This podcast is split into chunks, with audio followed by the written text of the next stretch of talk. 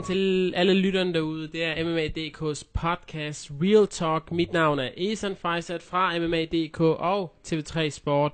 Med mig har jeg som altid min meget entusiastiske partner in crime, Lasse Bager, også fra MMA.dk. Det er godt at se dig. I lige måde. Vi har endnu en fremragende episode til jer med en masse MMA-snak, så læn jer tilbage, fyld kaffekappen, kaffekoppen eller energidrikken op og nyd samtalen mellem to MMA-nørder.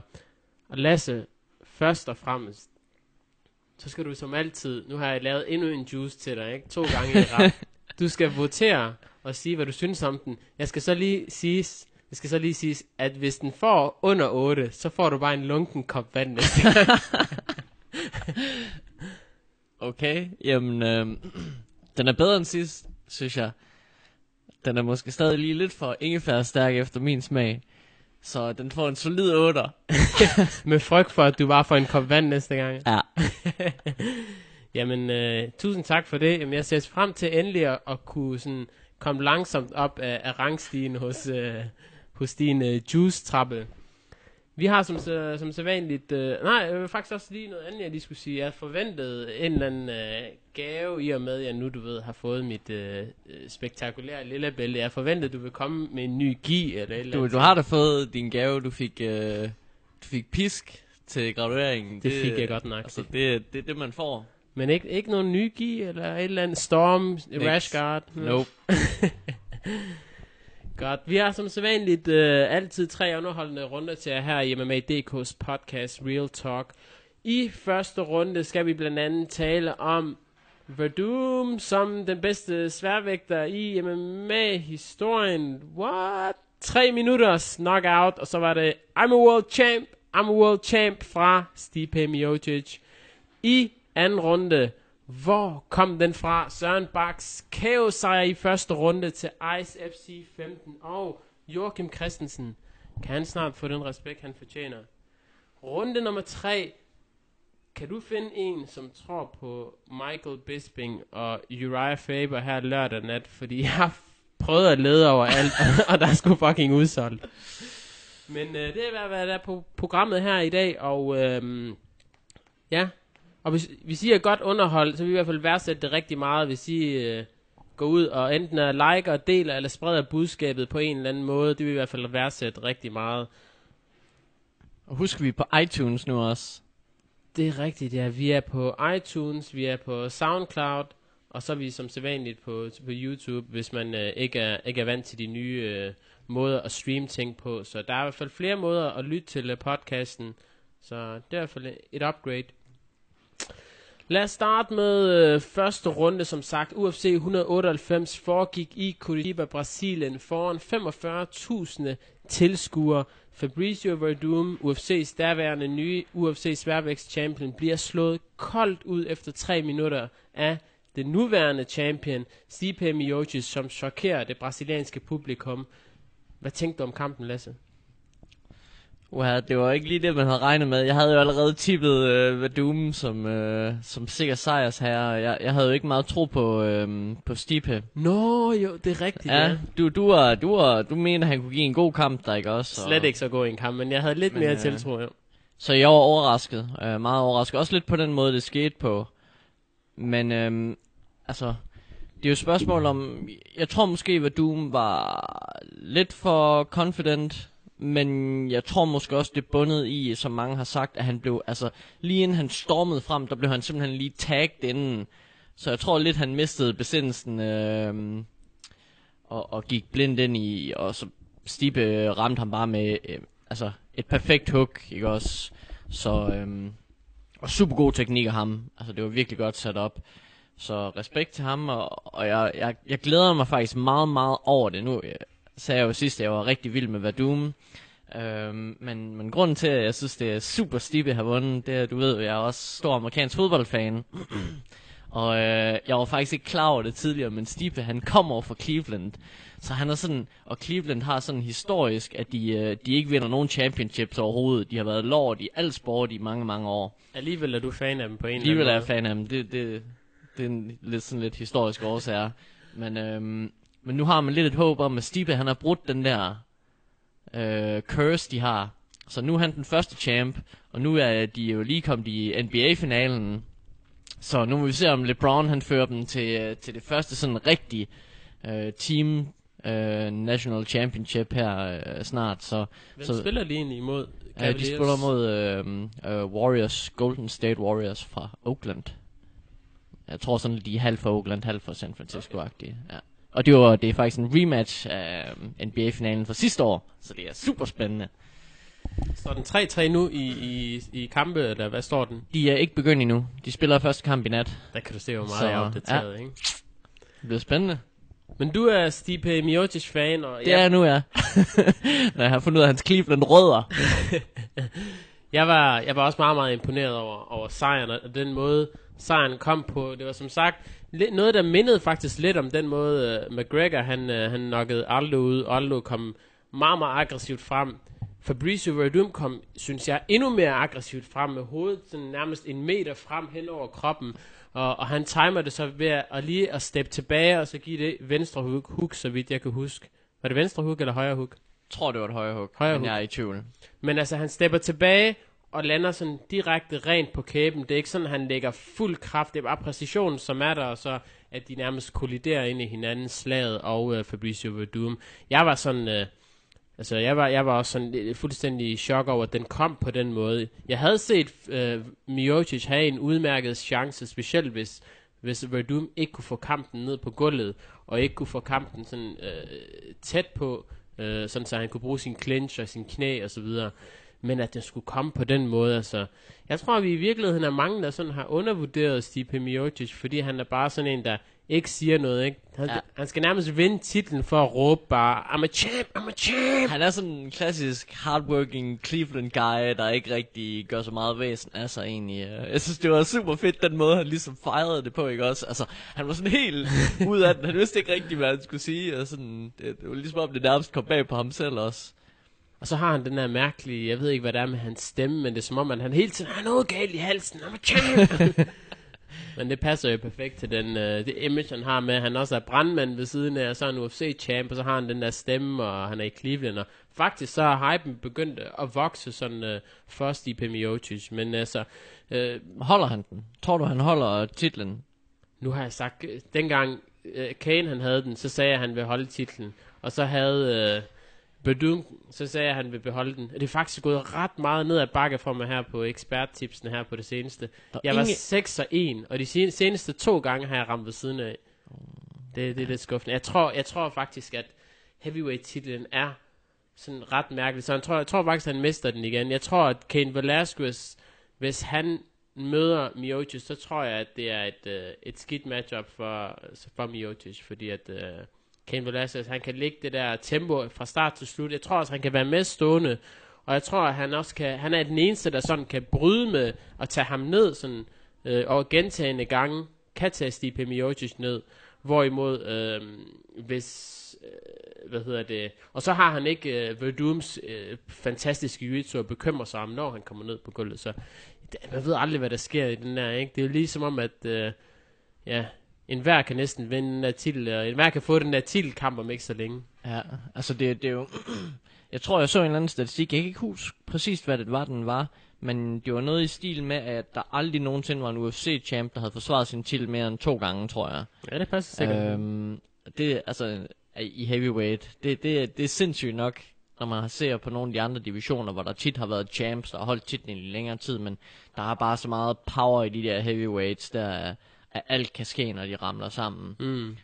Der, altså, ja, det jeg skrev om den sidste gang, om selve kampen, øh, jeg tror det var til eksperttipsene, der, der gik jeg tilbage og kiggede på statistikken.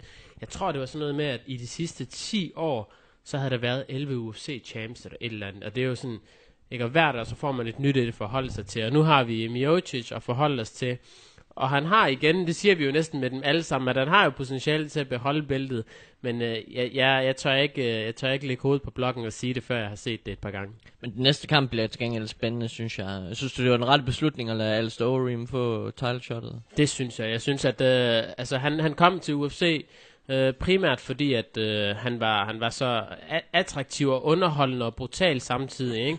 Dengang, og han, var, han kom for, for ligesom at vinde en kamp, og så få titelkampen, og så skulle han gerne blive champ og sådan noget. Så gik det ned ad bakke, og, og nu er det så gået meget, meget bedre, og øh, det ligger lige til højre benet at booke den. I, for, I mine øjne, så er UFC ikke noget at tabe nu, den her, den her gang. Hvis mm-hmm. Overeem vinder, så er han en meget mere karismatisk fyr, specielt når han har vundet nogle kampe i streg, så bliver han mere og mere cocky, jo mere han vinder. Og hvis Miocic han vinder, så kan man bare køre videre på det der Cleveland uh, gimmick der. Helt klart, og, og man kan sige, altså det giver også Stipe en masse credibility, hvis han går ud og slår en, en veteran som Overeem, ikke også, som er, er et meget stort navn også. Så, øh, så ja, det, jeg ser det også lidt som win-win kamp. Elsker begge fighters, så øh, ja, jeg glæder mig. Det, det kunne gå hen og blive teknisk brav øh, stående, Hmm? kan man sige. Helt klart. At, jeg tvivler på, at der er nogen udover Miocic, der vil tage kampen ned på gulvet. Øh, Overeem, han ligner ikke den. Han, han gør det ind imellem, hvor han lige tager fighter ned og så ender i garden, men jeg tror, han vil have meget, meget svært ved at tage Miocic ned, i og med, at han har en fortid. jeg, jeg, jeg tror også godt, at um, Overeem kunne finde på at sætte et par takedowns op, hvis han lige pludselig ser chancen for det, hvis, hvis han kan se Miocic øh, føler sig lidt for komfortabel i det stående. Men ellers så bliver det nok en, en stående kamp, og, og det bliver sådan lidt spændende stil, fordi uh, Miocic med han sådan rimelig ren boksteknik, og, og Overeem, der, der er sådan all-around god striker, og så har han bare det der virkelig gode defense, som man ser meget få MMA-fighters bruge på den måde, som han gør i MMA. Uh, øh, han gjorde det også i, i hans seneste kamp, hvor folk, hvor han nogle gange lader folk fange ham op af buret, så tager han bare hænderne op, som om det var ren boksning, og de havde store handsker på, og så lader han dem ellers bare fyre nogle flurries af, og, og, og det ser man altså ikke ret meget i MMA, at folk ligesom tør at stole på deres defense, og bare tage hænderne op, og så lade dem, lade dem slå, men man ser tit Overeem gøre det, og, og jeg, har, jeg har sjældent set ham blive straffet for det. Du er stor Overeem-fan, er du ikke også det? Jo, jo, jeg er ret vild med Overeem. Hvad hedder det? Jeg troede egentlig, han var rystet der. Uh, jeg, jeg sad jo igen... Jeg sad, så kampen live der, og så tænkte jeg, okay, nu er det endnu en gang, hvor Overeem, han er tæt på at få titelkampen, og så bliver han slået ud lige nu her. Jeg skal ikke lige kunne se, sige, hvad der, hvad der skete der, men det er altså i hvert fald imponerende, hvis han kan... Det er meget, meget modigt også, med de der små handsker, Ja. og, og holde de her Men han parader gør det der. Altså, han har, han gjort det mange gange. Jeg vidste godt, han ikke var i problemer der. Man bliver selvfølgelig altid lidt nervøs. Men, men jeg har set ham gøre det så mange gange før, hvor man sådan tænker, åh, hvis man ikke har set ham gøre det før, så virker det sådan meget mærkeligt. Så plejer det at være, når folk er, er ramt eller tagged, ikke også, at de, at de begynder at forsvare på den måde. Men, men Overeem har gjort det meget, både i hans MMA-karriere, men også, også meget i hans, hans K1-karriere. Så, øhm, og han har sluppet ret heldig afsted med det indtil videre. Men nu må vi se, om Stipe øh, måske kommer til at straffe ham for det. De kæmper jo til UFC 202 i Cleveland, så altså Miocic skal til at forsvare titlen på hjemmebanen. Hvem har du til at vinde i den her kamp der? Jeg synes, det er svært. Jeg, åh, den, den, den går 50-50 øh, for mig, men, men hvis jeg endelig skulle sige noget, så tror jeg, Stipe tager den, fordi han er på hjemmebane, og fordi, uh, altså, det betyder virkelig meget for Cleveland, når de endelig vinder et eller andet. Så jeg tror også bare, at han er super fired op for ligesom at give det der hjemmepublikum et, et win. Men om det rækker langt nok, øh, jeg, jeg kunne også frygte lidt, at han kommer ind og er lidt for hyped, og lidt for opsat, og O'Ream kommer ind, tager det stille og roligt, og, og så, så fanger ham, altså hvor det lige pludselig er Stipe, der bliver overaggressiv og laver en fejl, og måske bliver, bliver fanget. Så, så nu må vi se, hvis han kommer ind til kampen intelligent, øhm, og ikke går helt amok, så, så tror jeg, det bliver en rigtig spændende og tæt kamp. Øhm, jeg har faktisk øh, Stipe, nu ved jeg godt, jeg sagde, at jeg ikke tror, at Stipe han har beholdt bæltet i, i særlig lang tid, men i den her kamp, der har jeg ham til at vinde. Øh, jeg, jeg er stadig ikke øh, fuldt ud overbevist om uh, Alistair Overeems kæve endnu, så jeg tror faktisk, at Stipe han er en udmærket bokser, han har også øh, en rigtig, rigtig god defensiv, øhm, og han er ikke en, der tager de helt, helt store chancer, han er altid kompakt, og jeg, tror faktisk, at han vil tage den her kamp. Til gengæld skal man også lige huske, at de to sidste UFC-champs, altså Cain Velasquez, kæmpede på hjemmebane i Mexico for, foran en, en hel masse mexikanere og tabte Mhm. mm-hmm. på submission. Det samme gjorde Verdum på hjemmebane, han, har en tabte. home, home field curse. Det er jo det, folk taler om, så um, det kunne godt være, at han, han mister titlen her på i Cleveland, men, uh, men jeg tror faktisk, han tager den den her gang. Lad os uh, snakke om uh, nogle andre kampe, fordi det var et helt, helt stacked card. Det var, jeg, kan ikke, jeg kan ikke mindes, hvornår jeg sidst har set så mange kampe, UFC-kampe, på en uh, aften. Jeg sad næsten og så dem alle sammen, tror jeg, på nær et par fight pass, helt, helt uh, prelims, early prelims. Men altså, lad os lige snakke om, øh, om Jacare mod øh, Vitor Belfort. Jacare, han stopper ham i første runde på brutal teknisk knockout, som TV3 Sport kalder det uhyggeligt. Var det uhyggeligt? Altså, jeg synes ikke, det var uhyggeligt. Øh, men men øh, det var en virkelig flot performance. Altså, han gik ind og, og dominerede ham fuldstændig, og selvfølgelig er det ikke øh, Tia T. Vitor, men øh, det er stadig en, en solid veteran, og, øh, og udover at han, som mange nok ved, gjorde det med, med et skadet knæ, gør det jo ikke mindre imponerende. Så, øh, så jo, jeg glæder mig til, at han kommer tilbage, og, og så håber jeg til den tid, at han måske er, er den næste øh, i linjen til at få et title shot. Øhm, det kan være, at det ender med, at han skal have endnu en kamp for at afgøre det, men det kommer også lidt an på, hvad udfaldet af den næste, øh, af den næste 185 øh, titelkamp bliver her til 99. Så det taler vi også lidt om senere. Jeg var faktisk ikke så overrasket. Jeg var imponeret, øh, forstået på den måde, at han fuldstændig ødelagde Vitor brutalt og blodigt og sådan noget der. Jeg, jeg har bare ikke, jeg har ikke været overbevist om, om, øh, om uden øh, øh TRT Vitor i lang tid, så da, da han blev taget ned, man er altid lige lidt nervøs i starten, når de står op, fordi Vitor han kan lige pludselig komme med et eller andet spinning shit, og så nok folk ud, ikke? Men da den kom ned på gulvet, og så Jacare, han er bare en niveau over øh, næsten alle sammen i den division, hvad angår jiu-jitsu. Og så har han så god ground and pound samtidig, som bare gør ham frygtindgydende. Hvorimod for eksempel Damien Maia i Veltevægt, han er jo helt måske endda, hvis ikke på samme niveau, så måske en lige anelse bedre teknisk, men folk frygter ham ikke på samme måde, fordi han primært går efter at strangulere folk. Med Jacare, så kan du ikke vide, hvad der kommer. Der ja. kan komme en submission, eller der kan komme, som, som sagt, albuer og slag, ikke? det er klart hans force, må man sige, og han er, han er efterhånden en, en dygtig, well-rounded fighter, som, som skal respekteres, så når man ser på hans fight record, er den altså også ret imponerende. Det er egentlig lidt chokerende, at han ikke har fået title shot endnu. Øh, der har været et par små setbacks, ikke også, men, øh, men jeg tror, han er stadig, jeg kan ikke huske, hvor gammel han er, men han er stadig forholdsvis ung og en rigtig god atlet. Øh, og der har i hvert fald nogle solide år i ham endnu. Så jeg, jeg tror stadig, han er en person, som, som kunne risikere at, at få titlen øh, inden for de næste fem år. Øh, selvom det bliver svært med den nuværende champ, som ser frygtindgydende stærk ud for tiden. Han blev tilbudt øh, titelkampen imod øh, Luke øh, Rockhold, da Chris Weidman udgik med en nakkeskade. Øhm, han afviste den så, fordi han op til faktisk kampen mod Vitor Belfort kom ind med, med et skadet knæ, og han blev så også opereret øh, i knæet umiddelbart efter kampen. Øhm, så nu har øh, Michael Bisping fået chancen. Men jeg er faktisk glad for, at han ikke... Øh, at han ikke tog imod den kamp, fordi jeg vil gerne have set Shakare og Luke Rockhold, begge to med et øh, uh, fuld training camp, hvor de kan fokusere på hinanden. Også fordi den sidste kamp var så tæt, så vil vi for alvor se, hvem der er den bedste. Så jeg synes faktisk, jeg blev faktisk glad for, at, at, det, ikke blev, at det ikke blev ham. Uh, også selvom han ikke var skadet. Jeg vil gerne have set ham uh, få et, uh, et helt, helt, uh, en helt uh, training camp. Men uh, han er altså så 36, så det, det er måske være, altså han har, han er jo Men han, han ligner jo ikke en på 36, det er lidt Nej. det, ikke også? Altså, han, han er så atletisk af natur, at jeg tror, der er mange år tilbage i ham endnu. Og så skal man heller ikke glemme, at der er stor forskel på en fighter, der har trænet jiu-jitsu det meste af hans liv, og så begyndt at træne MMA senere, og en, der har trænet MMA siden han var 18 eller 20 år gammel. Altså, der er, der er bare et andet form for wear and tear og slid, øhm, især for, med hensyn til, til nogle af hovedskaderne og sådan, øh, i forbindelse med hjernerystelser og sådan, så jeg, jeg tror, der er mange gode år tilbage ham, i ham endnu. Jeg kunne sagtens også se ham som en af dem, der, der kunne blive ved helt ind i 40'erne.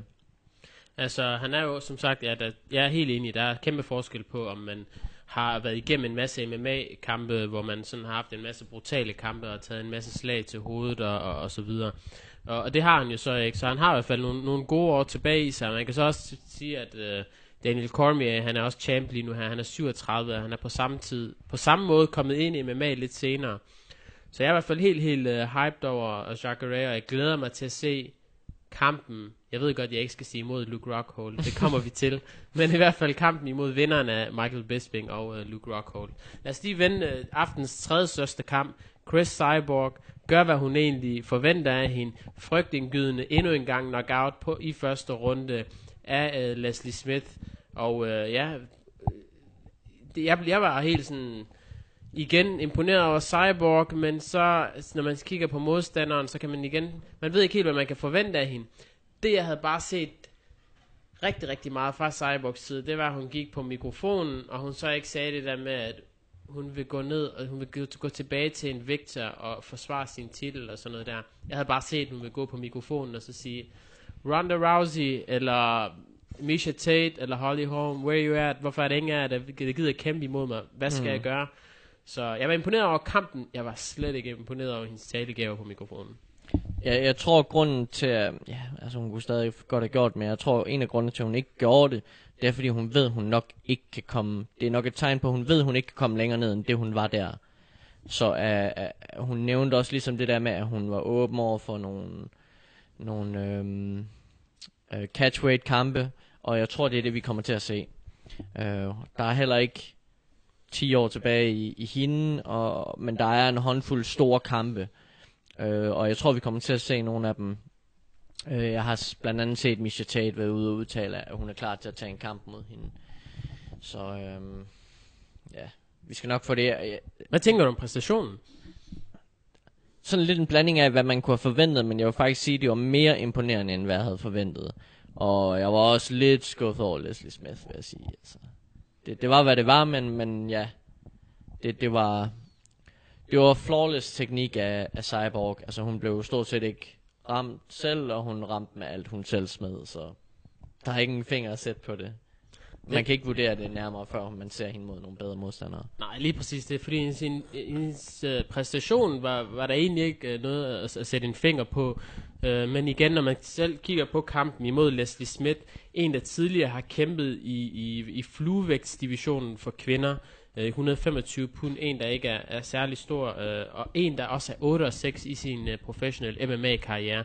Så jeg vil egentlig gerne se hende imod en, der sådan kan udfordre hende på et eller andet ni- øh, niveau.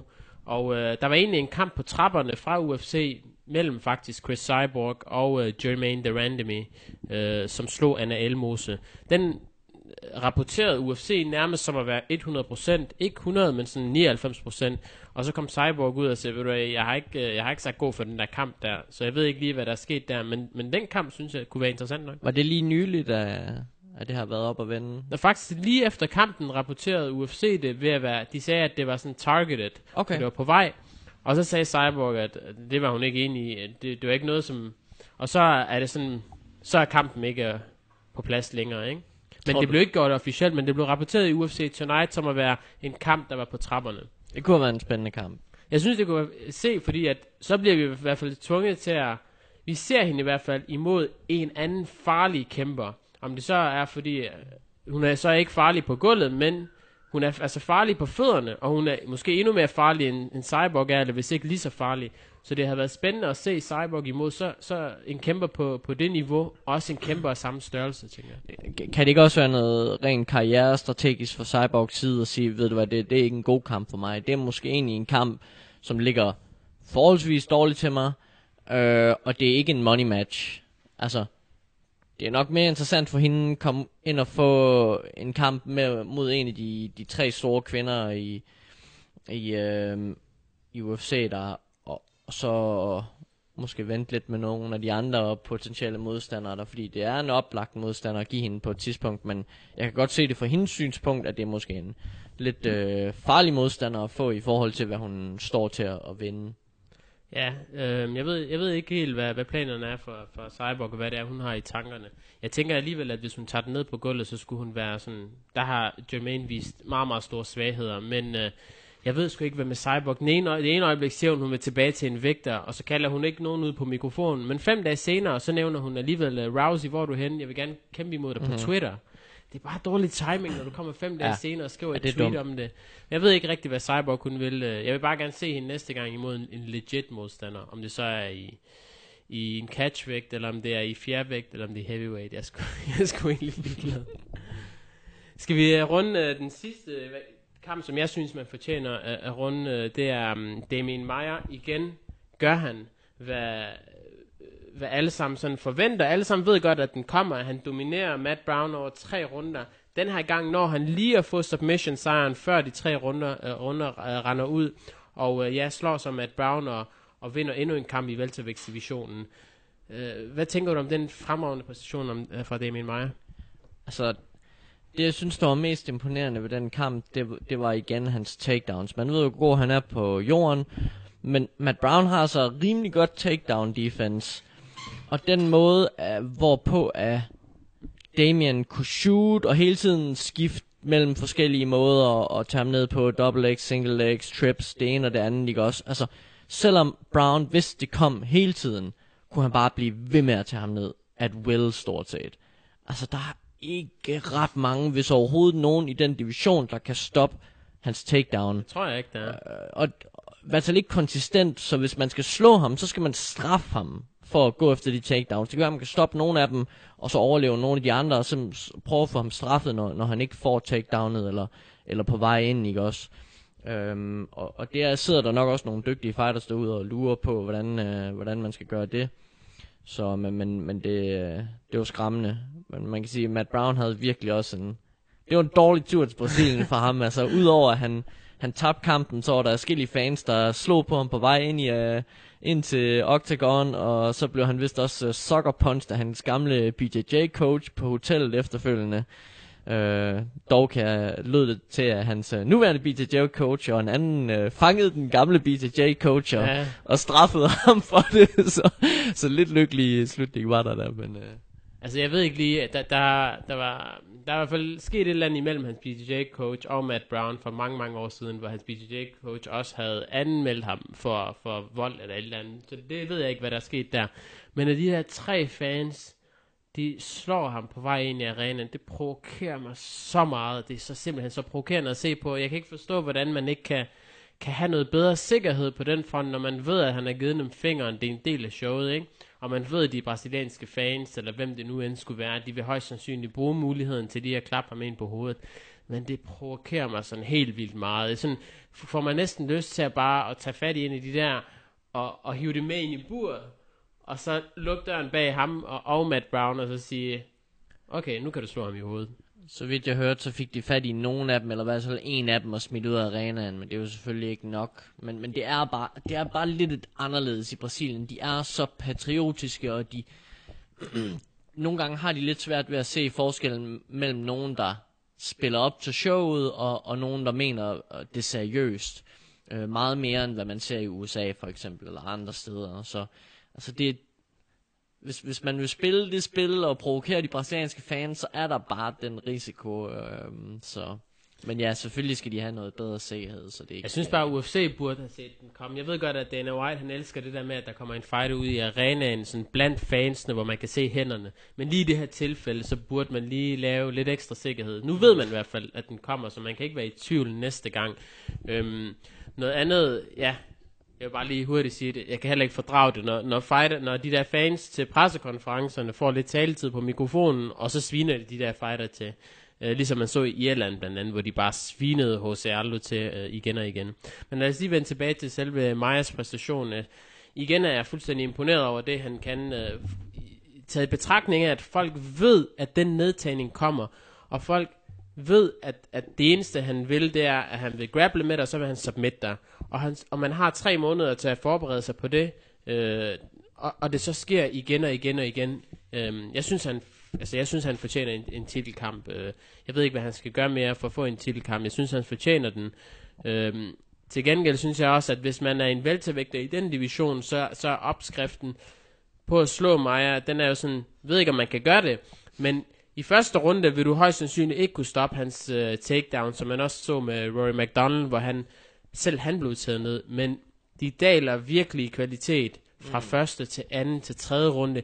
I tredje runde, der skal du slet ikke lege hans game, som Matt Brown han gjorde. Det så ud som om, han rystede mig, og så gik han ned i hans guard, og så ender du på bunden igen. Så, så i en fem runders kamp imod Robbie Lawler, der har Maja kampen måske i første eller anden runde, og hvis han ikke stopper ham der, så tror jeg, det bliver en lang aften. Men nu øh, er det... Var super interessant at se, og, og man kan sige, trods alt, selvom han hele tiden får ham ned, og han er så god på gulvet, så kan det måske være lidt bekymrende at se ham øh, gå tiden ud med så mange af de fighters, som han nu har gjort. Også folk, der måske ikke ligefrem er, er super gode på gulvet. Så tænker man, at, at, at der er nok mange andre af de rigtig gode fighters i divisionen, som også burde kunne overleve tiden ud. Og især hvis de kører fem runder, ikke også? Og så får de bare chancen igen og igen og igen for at nok komme ud, og, og så når hvis han bliver træt senere. Så det vil være super spændende at se. Jeg kunne rigtig godt tænke mig at se Maja mod Lawler. Synes du, han fortjener en titelkamp næste gang? Nu er det selvfølgelig øh, Woodley og Lawler, der kæmper til UFC 201. Fucking Tyron Woodley. Jeg er virkelig ikke hype på, at han skal have title shot. Jeg ved godt, at han blev lovet det her af Dana White og sådan noget, men, men ja. Jeg håber bare... Jeg håber bare, han taber, så vi kan komme videre i konteksten og, og få en anden udfordring. Men, men sådan er det jo tit i MMA, så sker der heller ikke crazy, så er det med Tyron, Tyron Woodley vinder sikkert, og så, ja. Jeg håber ikke. Fortjener han en titelkamp, Damien Maia, eller skal han have en anden kamp i mellemtiden? Jeg synes, han fortjener en titelkamp nu.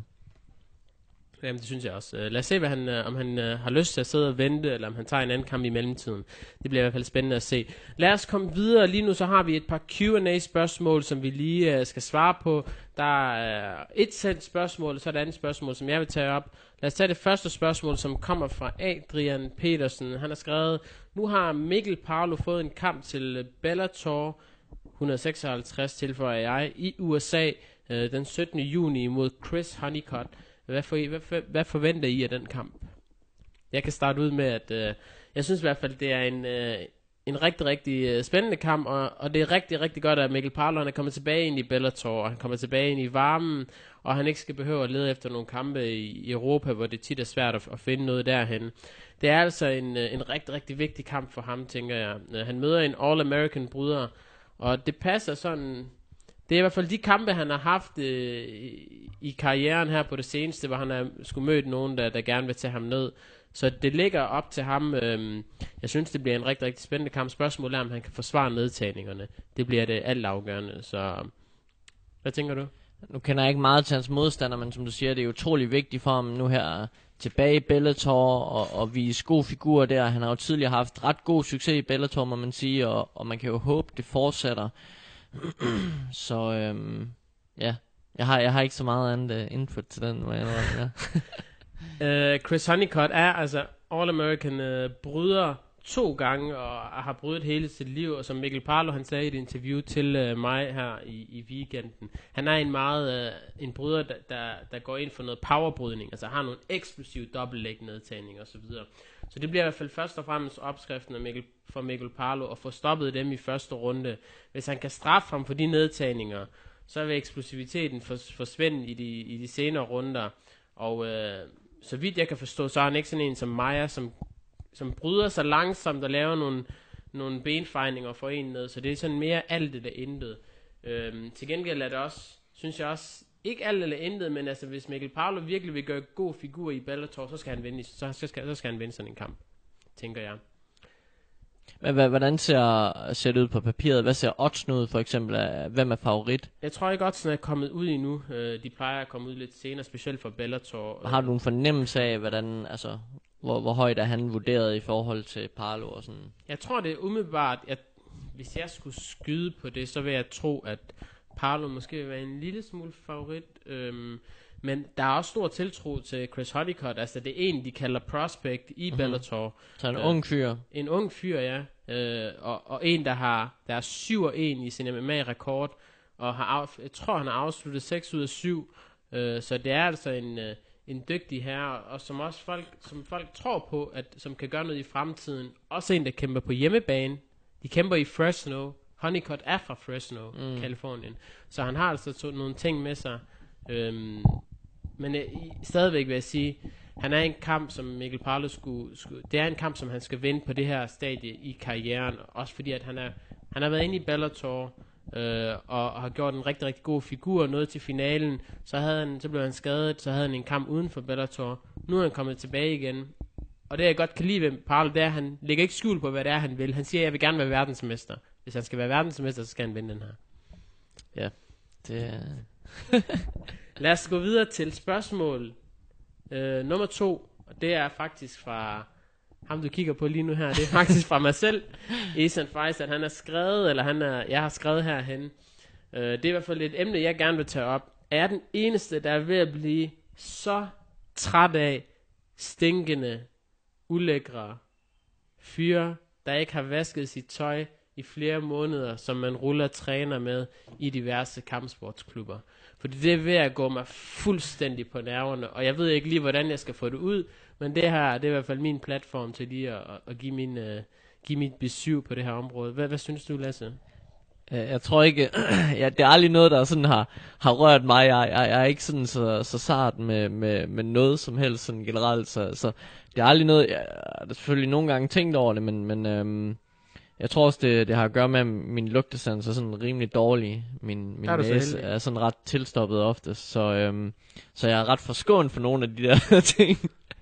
så, øhm, men jo, udover at det selvfølgelig kan være klamt, så er det jo også bare altså super uhygienisk, og, og det er jo også farligt potentielt, ikke også, hvis folk går rundt med, med infektioner og starf og svamp og det ene og det andet, som, som de kan risikere at smitte andre med, og så kan man lige pludselig risikere at ikke kunne træne i lang tid.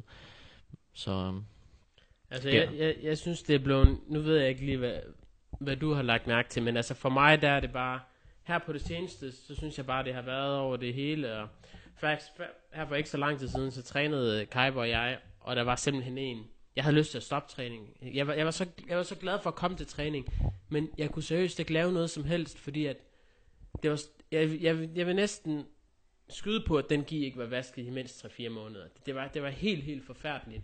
Og det, jeg synes også, det er sådan, at nu når man snakker så meget om uh, martial arts og respekt og alt muligt, så er det bare en af de ting, som jeg synes, man godt kunne gå noget mere op i.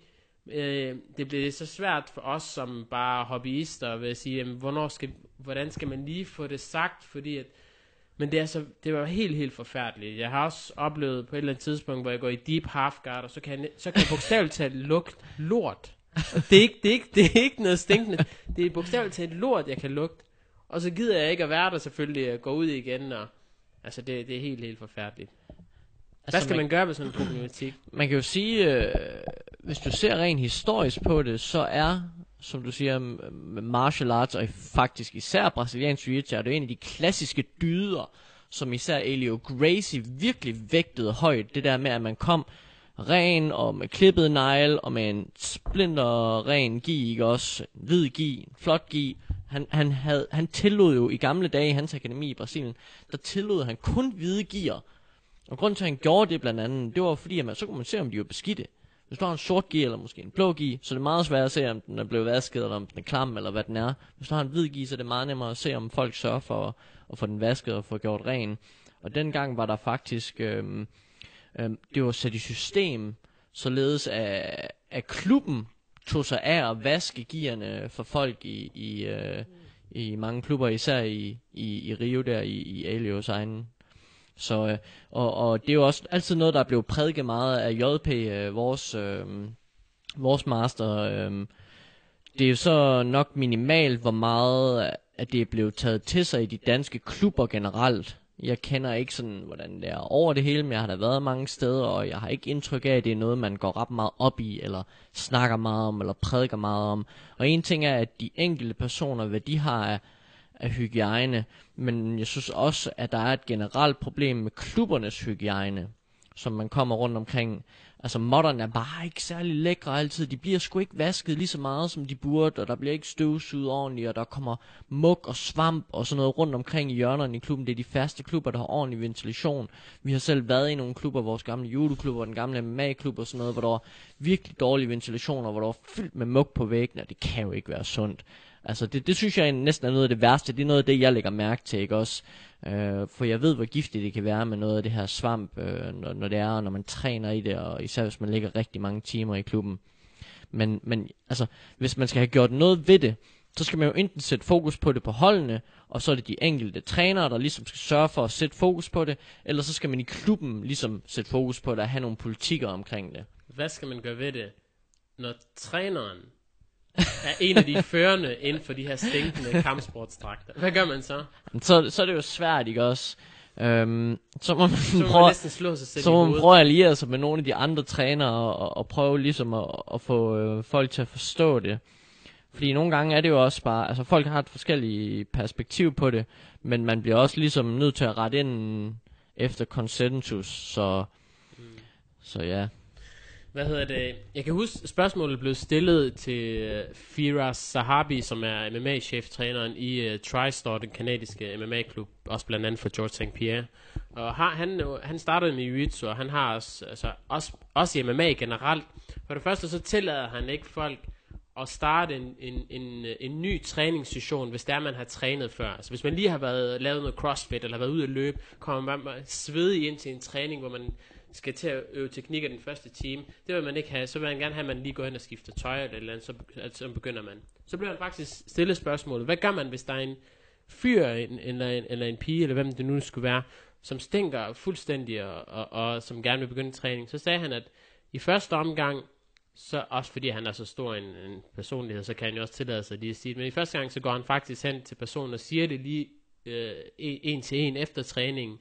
Men hvis personen så møder op i klubben næste gang, så får han det så meget øh, groft, ikke? Det er ikke, det, det er ikke der, hvor vi skal hen, men han får faktisk en udmeldingsblanket med det samme. Så der kan man se, hvor meget de går op i det, blandt andet i de store klubber. Jeg synes bare, det er et sted, hvor vi sådan burde lige skabe noget opmærksomhed, fordi at øh, nogle gange så vil jeg, altså det er helt, det er helt forfærdeligt. Nogle gange jeg ikke engang til træning, for det, det, det er så, så uhygiejnisk, tænker jeg. Jeg, jeg, tror, jeg tror, han har fat i noget af det rigtige. Vi, og vi er jo meget i det danske samfund, især meget bange for at sige vores ærlige mening om at gå hen og sige til folk et eller andet, hvis der er et eller andet, man er utilfreds med, og, eller man synes, at folk er forkert. Men, men jeg synes godt, man kan tillade sig at gøre folk opmærksom på det, fordi man skal være klar over, nogle gange er folk heller ikke klar over det.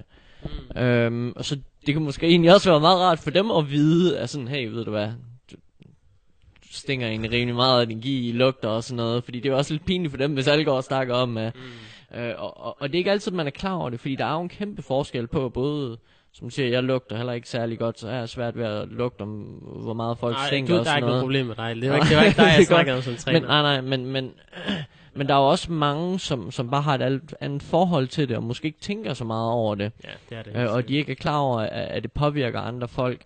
Øhm, så, så hvis man ligesom gør folk opmærksom på det, så tror jeg også, at der er en chance for, at langt de fleste vil gøre noget ved det.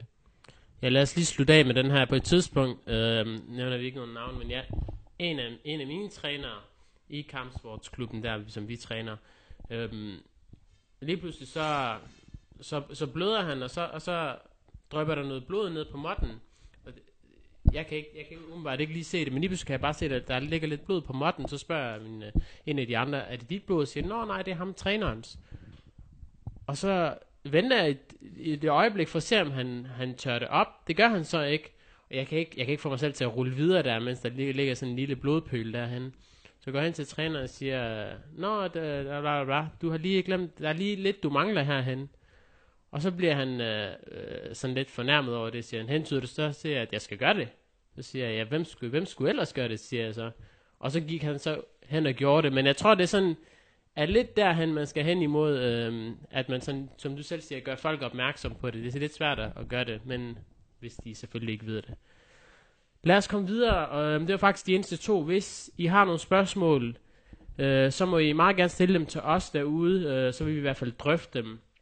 Så hvis du gerne vil have de spørgsmål læst op i podcasten, så kan du gå ind på mmadk.dk, før din mus op øverst i højre side, der skal du klikke på linket, der, øh, som hedder kontakt. Skriv dit navn, e-mail og spørgsmål, og så vil vi tage det op i næste episode. Vi vil i hvert fald meget, meget gerne øh, høre fra jer, og, og høre, hvad der er for nogle spørgsmål, der er for nogle tanker, I går omkring med. thank you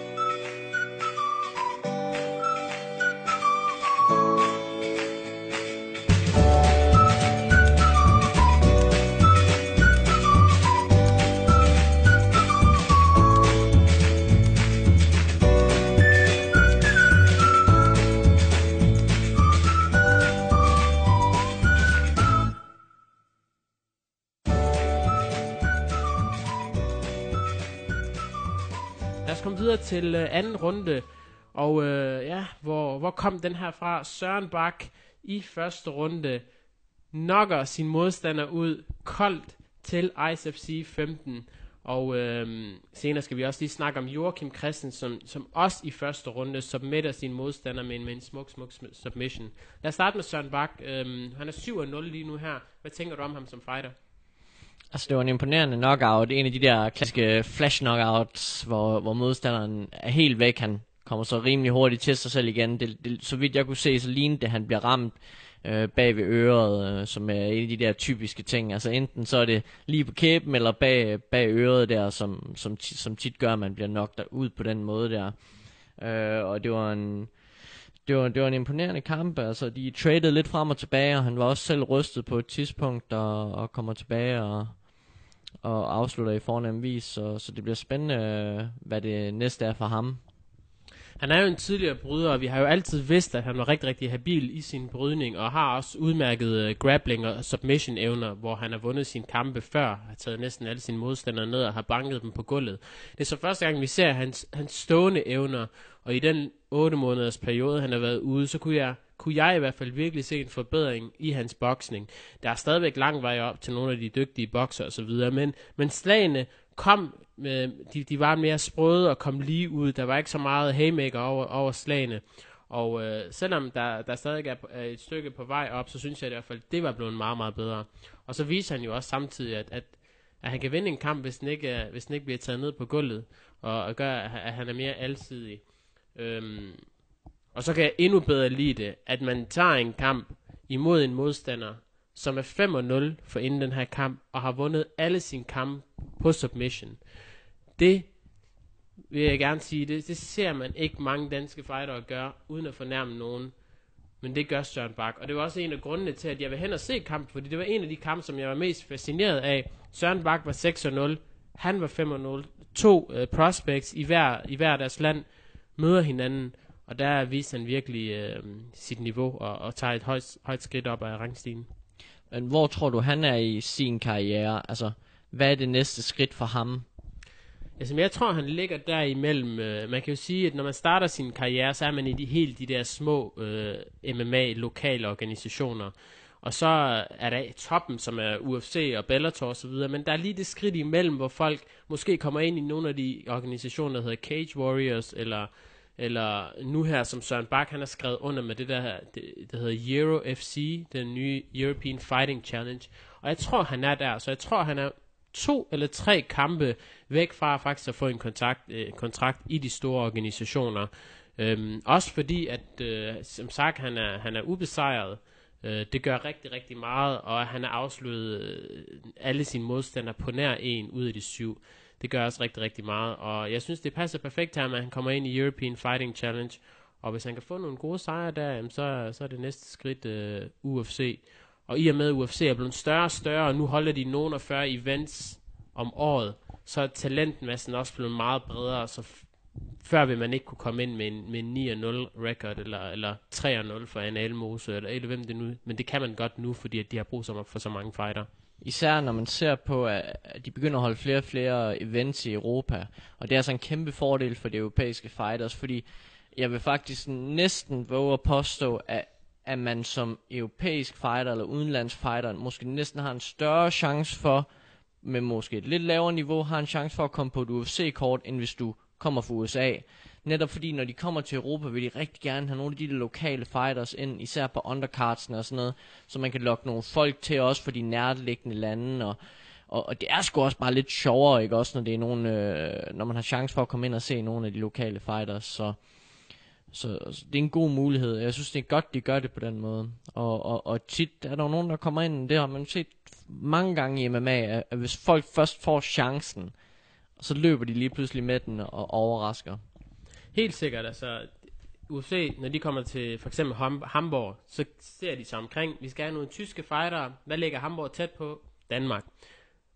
Jeg kan ikke helt øh, sige det med 100% sikkerhed, men lad være med at blive overrasket over, hvis der kommer endnu en dansker til UFC om ikke så lang tid. Måske endda til Hamburg. Så det er det, de gør. De kigger sig omkring Sverige, Norge, Tyskland. Hvor kan vi få den, de, øh, de, hvor kan vi få fighterne hen, og hvor kan vi tiltrække flest fans? Og nu har de fået øjnene op for Danmark. Ikke også, imod tidligere, der, der var der nærmest en UFC-forbandelse over Danmark, hvor man ikke kunne få fighter ind. Så jeg tror, han er en, en to-tre kampe derfra. Øhm, og det der Viking gi- gimmick der, det, det virker godt for casual fansene i hvert fald. Øh, Ja. øhm, så ja, det, det er sådan set det. Lad os lige snakke om Joachim Christensen også. Øhm, han øh, tager til, helt til Abu Dhabi øh, og kæmper der imod Anthony Ruiz, som har taget kampen på sen varsel. Øhm, en, en rigtig, rigtig erfaren herre. Han vinder i første runde på en armbar mission, øh, og vinder så sin femte kamp i træk. Øhm, hvad, hvad, du så øh, sejren, og du så den måde sejren kom på. Hvad, hvad, hvad stod om den? flot armbar, ikke også? Og, og man ved at Joachim er god på gulv, god over det hele, ikke også? Sådan en erfaren herre, og, og også lidt op i årene, så det, altså, det skal snart være, hvis han skal have sit, sit store gennembrud ind i de store organisationer, have en kamp der, og det var jo nok en af dem, du, du hentede til, der måske kunne risikere at komme til UFC Hamburg, jeg ved det ikke, jeg ved i hvert fald, at der er på Facebook og andre steder er gang i nogle, en masse PR-arbejde og partitioner for, at for Joachim på kortet, så, så det kan vi jo krydse fingre for kommer til at ske. Det kunne jeg rigtig godt tænke mig at se. Ja, øh, jeg skal ikke øh, kunne bekræfte eller afkræfte, om, om det var Joachim. Øh, det kan jeg ikke helt gøre indtil videre. Men altså, jeg var meget, meget imponeret over hans øh, sejr, den måde han kom på. Skal man så, det var sådan en sejr, han skulle vinde. Anthony Rees har tabt sine seneste tre kampe i, i træk. Han er ligesom Joachim Christensen op i året, men meget mere, fordi han havde kraft for inden kampen, hvis jeg ikke tager helt fejl, 53 MMA-kampe. Så er man måske ikke 35 eller 36, som Anthony Ruiz var, så var han måske i virkeligheden 44 eller et eller andet, fordi man har haft så mange kampe. Det var også en kamp, han skulle vinde, men til gengæld, så var det også en kamp, som han skulle afslutte, som han sagde. Han sagde, at han skulle have en afslutning. Det var noget af det, som UFC de ledte efter. Det har han fået to af nu her i træk i første runde. Så det ligger lige til højre benet. Jeg vil bare ønske næste gang, han bliver interviewet, hvad enten det er mig eller de andre, så siger han selv, han gerne vil UFC. Jeg vil ikke høre ham, han siger, at han gerne vil forsvare billedet i Superior Challenge, fordi det kan godt være, han vil det, men det vil han ikke helst, så det nytter ikke noget. Så jeg vil gerne høre ham sige, at han vil på det. Så han lavede en cyborg, det er det, du siger. Ja, det gjorde han. Han lavede lige præcis en cyborg. Nu har jeg ikke snakket med ham efter sejren, men hver gang han har vundet, og jeg har spurgt ham efterfølgende, og, og jeg ved godt, at, at de der andre organisationer, jamen respekt for det også, han har to bælter, han har den ene i Superior Challenge i Sverige, og han har den anden GMC i Tyskland, men altså, det, det er ikke nogen bælter, der bliver kæmpet om som sådan, altså, der er ikke så stor prestige i dem, det må vi, det må vi ærligt talt sige, altså, der er sikkert ikke nogen, der kender nogen af bælterne. Jeg vil bare gerne høre ham ikke lave en cyborg, og så sige, jeg vil gerne i UFC, jeg er 37, jeg fortjener det, og jeg spurgte rigtig mange ud til ICFC, nogle af de andre danske kæmper, som jeg interviewede, Hvilken dansk kæmper synes du fortjener at komme på kartet? Mikkel Parlo han sagde, jeg synes jo- Joachim Christensen fortjener det mere end jeg gør. Fordi han har været aktiv, jeg har været skadet, han har vundet lige på nær over den har sådan vundet over nogle imponerende modstandere også. Max Nunes, øh, som er en svensker, som var på vej ind i UFC. Øh, ham vandt han over i Sverige. Jeg snakkede faktisk med Martin Kampmann, hvor han også sagde, hvad er det for nogle modstandere, han har vundet over? Så sagde han, så sagde jeg blandt andet Max Nunes, at, ah, han er god. Det, det, det er en, jeg har, har, jeg har sparet imod, og han er dygtig. Øhm, og så kan de bare få en, en masse tilhængere over os fra Danmark. Mm-hmm. Så um, jeg ved ikke, om han endnu kommer i UFC, men, men jeg synes helt klart, at han skal være der. Øh, det, det, det, det giver ingen mening, hvis han ikke skulle være der. Øhm, specielt når man kigger på, på nogle af de andre, som er kommet ind i UFC fra de andre lande, og sådan, så synes jeg, at han, han, han fortjener det i hvert fald. Det vil også være, um, det vil jo så umiddelbart være Auto Suaves første sådan store gennembrud på MMA-scenen, kan man sige, hvor, hvor de andre danske fighter, hvis man ser bort fra Kampmann, har været fra Rumble Sports, er det ikke det, det hedder? Alle sammen Øhm, Rumble Alle for Rumble Inc. Både Anna Elmose og, og øhm, ja, Dalby og Demir Hartovic. Damir, ja. Så, øh, så det vil være godt ligesom at få et andet gym også på kortet på den front. Både for at få gjort lidt PR for dem, men også for at de andre fighters så i gymmet kan se, hey, det kan godt lade sig gøre, der er nogen, der ser op til, og når man først, når et gym, ligesom, altså en, en ting er med et land, men der er altså også meget med et gym, når et gym har fået foden indenfor, så er der meget større chance for, at nogle af deres up-and-coming fighters bliver lagt mærke til. Og, øh, og Arthur Schwab har en rig gruppe af, af talentfulde fighters, der er på vej op, Øh, både inden for brasiliansk jiu-jitsu, men også inden for MMA, så Mm. Og, og de har også øh, en, dyg, en dygtig bryder fra mm, jeg kan ikke huske, øh, hvor han er fra, et eller andet land i Østeuropa, altså en, der er på virkelig, virkelig et højt niveau, Mikkel Parlo han snakkede om. Så de har en nærmest i hver kampdisciplin, som er rigtig, rigtig dygtig, øh, som ligesom kan, kan drage noget erfaring af sig.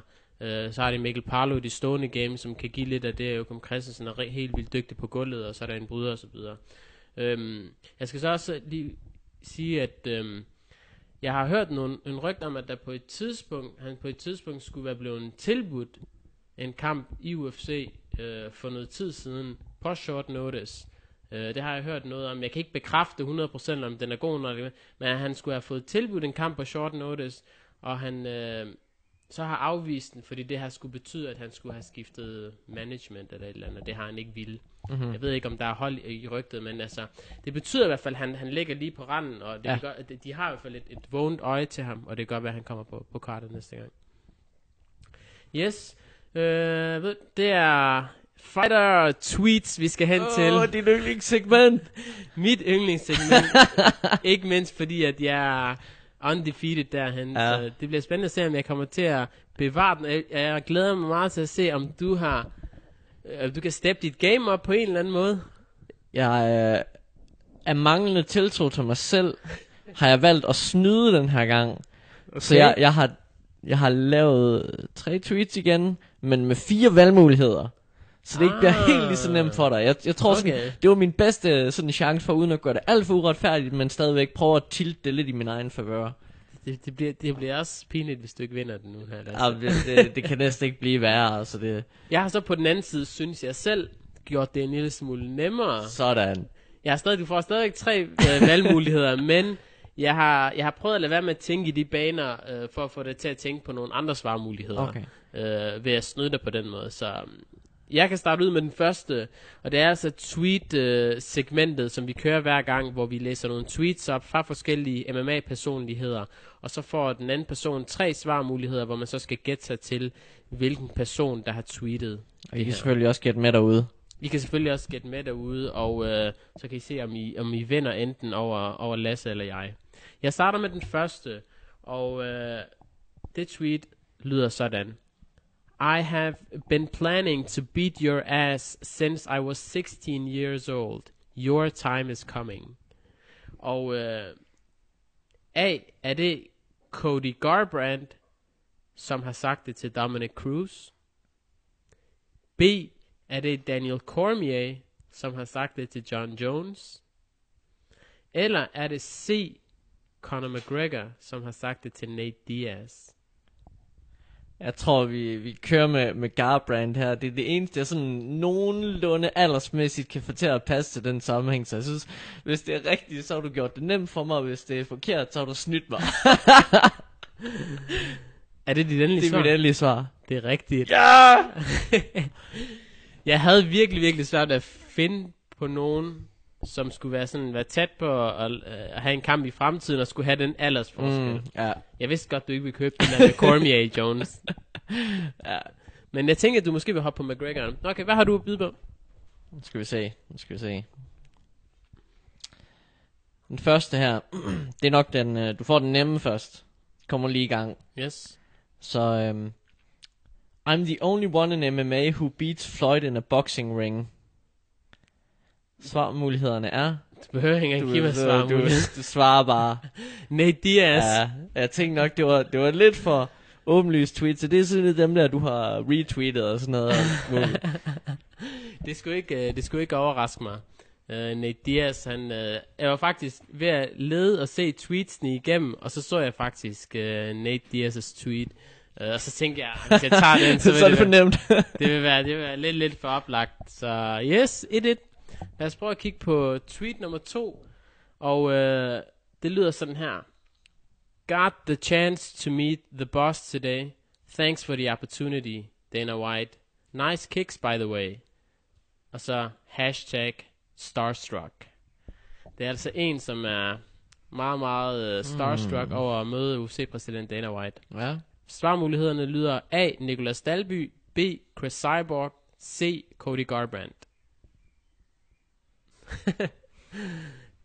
det forbløffer mig, at du ikke har hørt om den. Du bliver nødt til at steppe dit game op snart. Ja.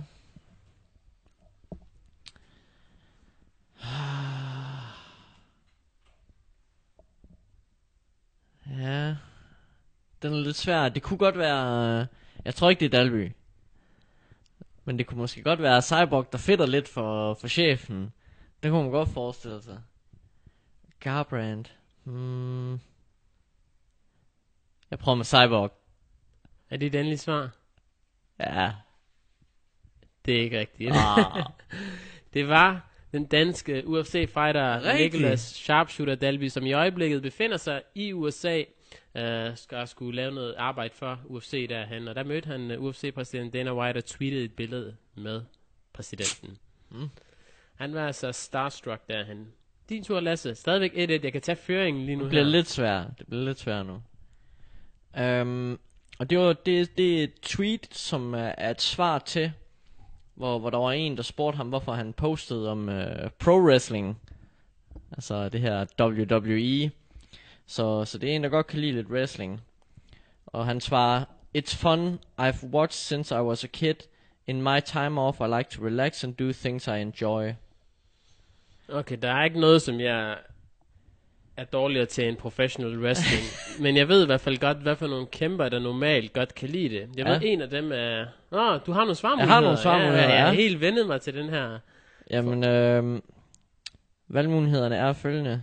Tito Ortiz, Men, Rampage Jackson, nej, Daniel Cormier sandsynligvis. og King Mo. Enten, jeg ved, King Mo har optrådt i uh, pro wrestling ringen, og så ved jeg, at Daniel Cormier er kæmpe, kæmpe fan. Um, jeg vil umiddelbart gå med, med det, der ligger til højre ben, Daniel Cormier. Det er korrekt. Er det ikke rigtigt? Jo, det er, den er god nok.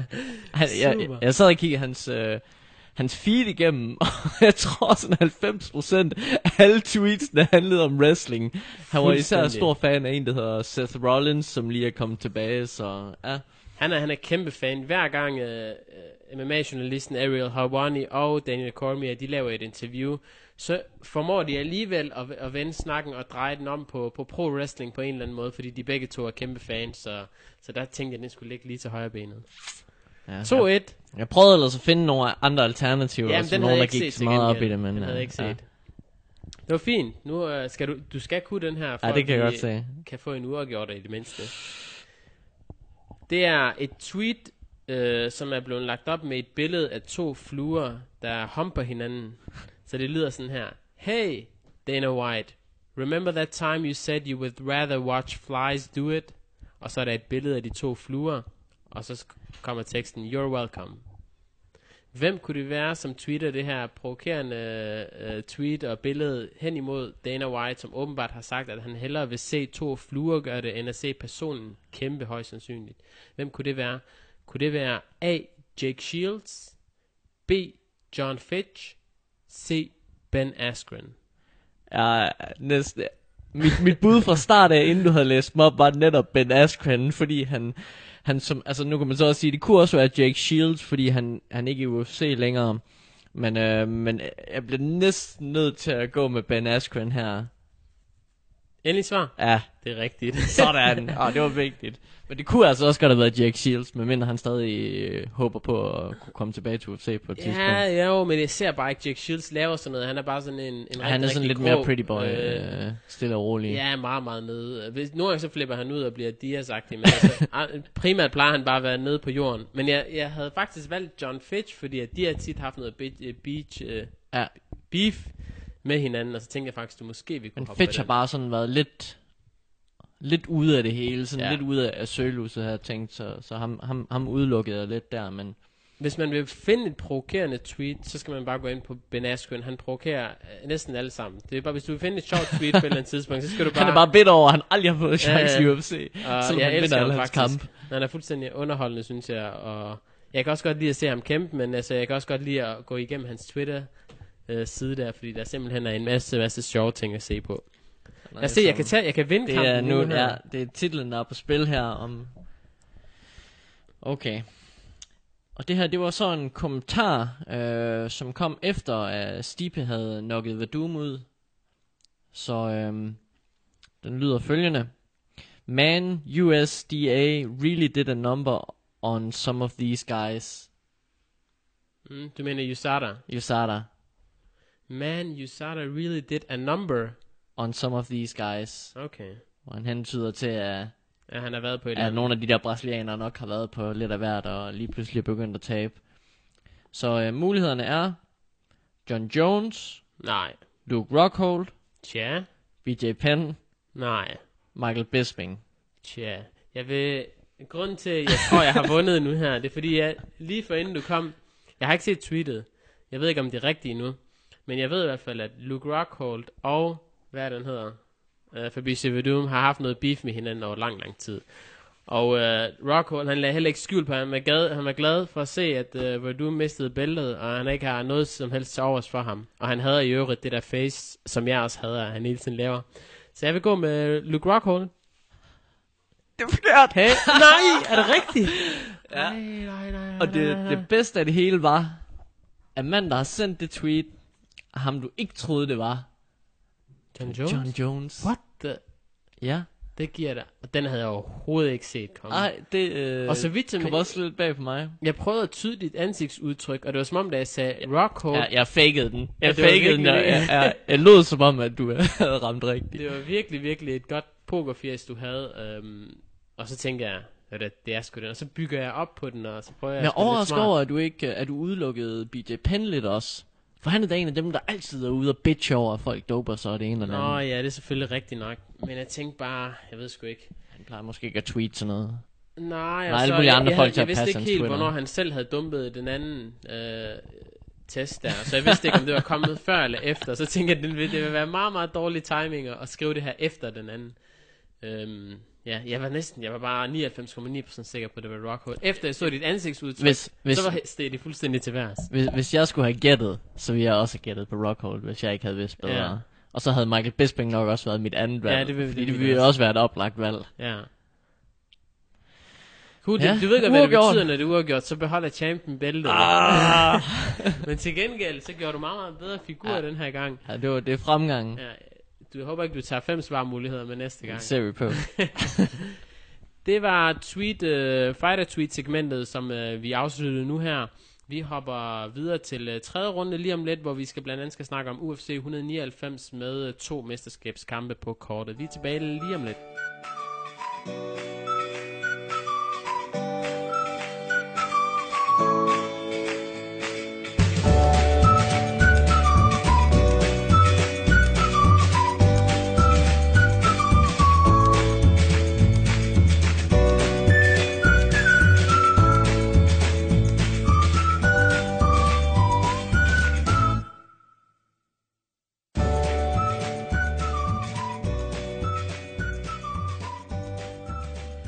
UFC 199, som vi sagde tidligere, Michael Bisping imod Luke Rockhold og Uriah Faber imod champion Dominic Cruz. Og som jeg sagde tidligere, Lasse, jeg har let hele måneden. Kommentarerne på Facebook, alle mulige steder. Jeg kan ikke finde nogen som helst, som tror på Michael Bisping og Uriah Faber, der er simpelthen udsolgt. Kan du, kan du finde nogen, som tror på dem, og tror du på dem? Altså, jeg, jeg vil virkelig gerne sige, at nu har du fundet det inde. Fordi jeg, jeg er vild med Michael Bisping. Og hvis det var en hvilken som helst anden fighter, han skulle op mod i divisionen, så vil jeg give, give ham... Øh, så, så vil jeg vælge ham. Ikke fordi jeg måske nødvendigvis tror på det, men fordi jeg virkelig håber på det. Men uanset hvor meget jeg håber på det i det her tilfælde, så har jeg rigtig svært ved at vælge ham over Luke Rockhold. Men jeg tror, det bliver tættere, end folk regner med, og jeg tror, han har en chance, og alt efter, hvordan er oddsen er, så kunne, kunne jeg også være en, der kunne finde på at spille på Michael Bisping. Så meget, så meget tror jeg på, at han har en chance. Ikke at han er favorit, men at han har en chance. Øh, og jeg tror, det bliver en, en tættere og mere spændende kamp, end folk forventer. Kan også bare være Luke fat i ham, og så bare knuse ham. Hvor meget skulle oddsene være på, for at du skulle lægge penge på Michael Bisping? Hvis de giver fire gange igen, så spiller jeg på Bisping. Hvor meget spiller du så? Er du en af dem, der spiller en 10? Ej, jeg, gider, jeg, spiller, jeg, jeg generelt ikke særlig godt lide at spille penge, men, men så, så vil jeg spille 100 kroner eller sådan noget. Jeg gider ikke spille små beløb. Hvis du smider 100 kroner Min, på mindst Bisping, 100 kroner, ja. så får du 600 igen. Er det rigtigt? Ja. Ja, det, det kunne jeg godt finde på. Han, får, og han er faktisk den mest undertippede fighter på hele fightcardet. Ej, alle er 23 imponerende. fighter. Og ved du, hvem den næst mest undertippede fighter er? Det var Uriah. Det er Uriah Faber. Det Jeg tror mere på, vildt. på Bisping, end jeg gør på Faber. Nej, det ved jeg sgu ikke. Det er måske egentlig... Ui, det, altså, UFC 199 foregår på lørdag, øh, fik jeg lige, glemte jeg lige at sige, øh, i Los Angeles, hvor øh, Luke Rockhold også hører herhjemme. Også faktisk Michael Bisping, selvom han er englænder.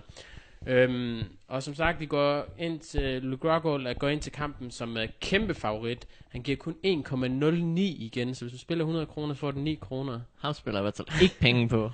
Og øh, ja, som sagt, Bisping får sin chance efter 10 år i organisationen, og jeg ved ikke, hvor mange han har haft, øh, 27 UFC-kampe, eller hvor meget han nu har haft, og, og som sagt, jeg, jeg synes, at jeg, jeg kan også bare unde Bisping det her, til den her titelkamp, og måske også sejren for, for at han endelig, du ved, får den her kamp, og han måske endelig får UFC-bæltet. Men når jeg sådan lægger det følelsesmæssige og emotionelle til side, og bare tænker, Luke Rockhold, hvad har han at byde på? Michael Bisping, hvad har han at byde på? Så kan jeg ikke se det, og specielt fordi han hverken har slagkraften, sådan one punch Bisping, og han har heller ikke en, en god guillotine, eller et eller andet, som lige pludselig skal fange. Det skal sådan komme på rigtig Bisping-stil, hvor han langsomt måske trætter sine modstandere, vinder runderne og. Grinder ham, ja. Ja, og knepen sådan vinder runderne og, og gør det til en femrunders kamp, og, hvor han lige vinder på sin kondition. Så jeg kan ikke se det komme. Til gengæld vil jeg også give dig ret i, at, at jeg tror også, den vil være lidt tættere, end folk øh, øh, gør den til. Jeg tror ikke, den vil blive afgjort i første runde. Det kan den godt, men jeg tror, den vil gå lidt længere. Fordi også, at, at Bisping, øh, det, når, når de fleste forventer det, så plejer, plejer det ofte at blive modsat. Og nu, Rockhold, han siger jo, at han vil afslutte ham i første runde med stil. ikke? Han vil lukke munden på ham, og ja. Bisping, øh, og alle folk forventer det, så jeg tror faktisk, den vil gå lidt længere, men jeg tror ikke. Jeg tror faktisk, den bliver finished. Jeg tror, han stopper ham. Jeg, øh, hvis jeg skal komme med et bud, så tror jeg måske, at den går en tre runder, og øh, Rockhold stopper ham i tredje runde. Men jeg tror, det bliver sådan noget med, at det er forholdsvis tætte runder, men til Rockholds fordel. Som du siger, hvis Bisping skal vinde, så skal det være, at han måske grinder den lidt ud og får nogle snævre runder og hister her. Men jeg tror, det bliver svært. Det er svært at vinde på den måde mod Luke Rockhold. Mm. Det kan selvfølgelig være, at det sker. Jeg skal ikke udelukke det. Øhm, det bliver lidt spændende at se, hvor, hvor godt de klarer sig stående mod hinanden. Øh, hvordan matchupen er der, fordi der er så mange, der tit undervurderer Bisping striking, vil jeg sige. Øhm, så Der er også mange, der som stadigvæk siger, at han ikke skulle have vundet den kamp over Anderson Silva. Hvad synes du? det er virkelig svært, fordi i princippet synes jeg nok ikke, han skulle have vundet den, men når man holder sig til reglerne, og det ene og det andet, og sådan noget, ikke også, altså det er, det er fandme svært, for altså, det, det var et super akavet moment, det der, øh, der hvor, hvor, øh, hvor Anderson næsten nokker ham ud, og kampen burde, oh, det, det er svært, ikke også, men jeg synes måske næsten, kampen burde have været stoppet der. Men i det, at den ikke blev stoppet, så synes jeg, at Bisping vandt kampen. Og jeg synes, at det var fuldstændig sindssygt, at selv han lå ham få så meget tid til at recover efterfølgende, og han ikke var over ham med det samme. Mm. Øh, jeg ved ikke, om det var et totalt emotionelt øh, dump af Silva, at han, han havde svært ved at sætte sig op til det igen bagefter. Men det er virkelig svært. Altså, det, det, jeg, der er næsten ikke rigtig nogen rigtig og forkert holdning til det ene eller det andet i den kamp, synes jeg. Jeg synes faktisk, han vandt lige knepen. Jeg kan godt se det argument, at den måske kunne være blevet stoppet, efter han får det der knockout med sit knæ, hvor Bisping han bliver ved med at pege på sin tandbeskytter, som er faldet ud, i stedet for at koncentrere sig om en dræbermaskine, der, der, der er lige over for ham. Øh, men jeg synes faktisk, han vandt runderne knepen 3-2. Mm-hmm. Så til gengæld, de, de øh, første runde vinder han knepen Bisping, synes jeg. Anden runde, der knocker han faktisk Anderson Silva ned og er tæt på at afslutte ham. Og så taber han tredje runde enormt, ikke? hvor han er, bliver nok, knocket ud. Øhm, og fjerde runde vinder han igen, synes jeg, knepen. Og så femte runde taber han igen stort. Ikke? Og så kan man jo snakke om, om der er nogle af de der runder, der måske skal dømmes 10-8. Øhm, Man kunne være tilbøjelighed til at, at sige, at den der øh, runde, hvor han får knæet, at den kunne dømmes 10-8. Men så vidt jeg husker, skete der bare ikke så meget andet i runden. Altså hvis Silva i forvejen ligesom havde stort overtag i runden, og mm. så det skete til sidst, så kunne jeg se det. Øhm, men generelt så jeg er jo ikke kæmpe tilhænger af det der med runde per runde scoring. Jeg vil meget hellere have, at kampen blev scoret som en helhed. Så øhm, Jeg synes også til gengæld, hvis man giver hvis man vil give en 10-8 til Silva, så synes jeg også, man burde give den til Bisping i anden runde. Den, den glemmer man lidt, når kampen går i 4. og 5. runde, og så dominerer Silva to ud af de sidste tre runder meget, meget stort. Ja. Så glemmer man oftest de, de specielt anden runde, hvor han Ja, ham ned. Ja. Men altså, han får i hvert fald titelkampen nu her, og lad os se, hvordan det bliver i hvert fald en rigtig, rigtig spændende mesterskabskamp, og de møde to mødes altså i hovedkampen. Meget velfortjent. Jeg synes, jeg synes virkelig, det er godt, at han får chancen. Altså bare det, at han får chancen, jeg tror ikke, det betyder, det, selvfølgelig betyder det meget for ham at vinde, men jeg tror bare det, at han får chancen og kan sige, gå til øh, på pension og sige, han havde chancen, det kan så være, at han får spildt, men, men han kan ikke gå på pension og sige, at han aldrig fik chancen. Hvem, hvem er Rockhold? Nu ved jeg ikke, om du har set nogle interviews med ham, men er han ved at blive sådan lidt for cocky og selvsikker Ej, allerede? Jeg elsker det, jeg elsker det, jeg synes, jeg skal blive ved med det. Jeg vil ønske, der var flere, der gjorde det der. Altså, Men du kan øh, godt se, hvad jeg mener med, at han sådan Ja, ja, har fået lidt swag over, Ja, ja, lidt mere det swag over Det sig. er super nice, altså. Og, og det kan være, at han laver en Vadum, ikke? og så går ind og bliver KO'd, og Vadum var jo også, han har jo også rent historisk, han er jo sådan lidt en, går og fjoller lidt, og, sådan, og folk har en tendens til at sige, at han ikke tager det seriøst, men det er bare sådan, han er. Mm. Øhm, Jeg tror heller ikke, det var det, der, der gjorde forskellen. Der, det tror jeg heller ikke, ja, og jeg tror heller ikke, det er det, der kommer til at gøre forskellen med Luke Rockhold. Men det er jo det, alle kommer til at pege på, hvis det er, det sker. Mm. Så øh, ej, jeg synes, det er fantastisk. Jeg synes, det er det, der mangler i MMA. Det er nogle flere, der, Det synes jeg der også. Jeg viser synes, noget personlighed på den måde. Jeg vil ikke synes om det, hvis jeg var på den anden side, så vil jeg nok påpege, at han var alt for arrogant og sådan noget der, men altså, som, øh, øh som øh, hvad kan man sige, en tilskuer og fan, som ser kampen, så synes jeg, det er meget, meget underholdende, at der er nogle, øh, nogle farverige personligheder på hver sin måde, som man ligesom kan bygge kampen op på, så det synes jeg er fint. Og så synes jeg også bare, at nogle af de ting, som taler imod Bisping, det er, at Rockhold, han er så alsidig. Altså, han er måske ikke øh, verdens bedste til et af disciplinerne i sin, i sin division, men han er en meget, meget dygtig striker. Han er en meget, meget dygtig bryder, også i AKA, hvor han træner sammen med Cormier og Velasquez. Og han er en meget, meget dygtig grappler med submission.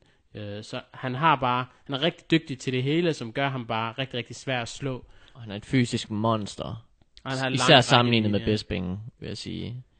Når man Bisping ser, har god cardio og sådan noget, men, men jeg tror, Rockhold er meget stærkere end Bisping. ja, Især sådan grappling strength, ikke også? altså hvis Bisping skal have, den, skal have chancen for at vinde kampen, så skal han holde kampen stående. Jeg tror, Rockwell vil have svært ved at tage Bisping ned, fordi Bisping har rigtig, rigtig god defensiv brydning.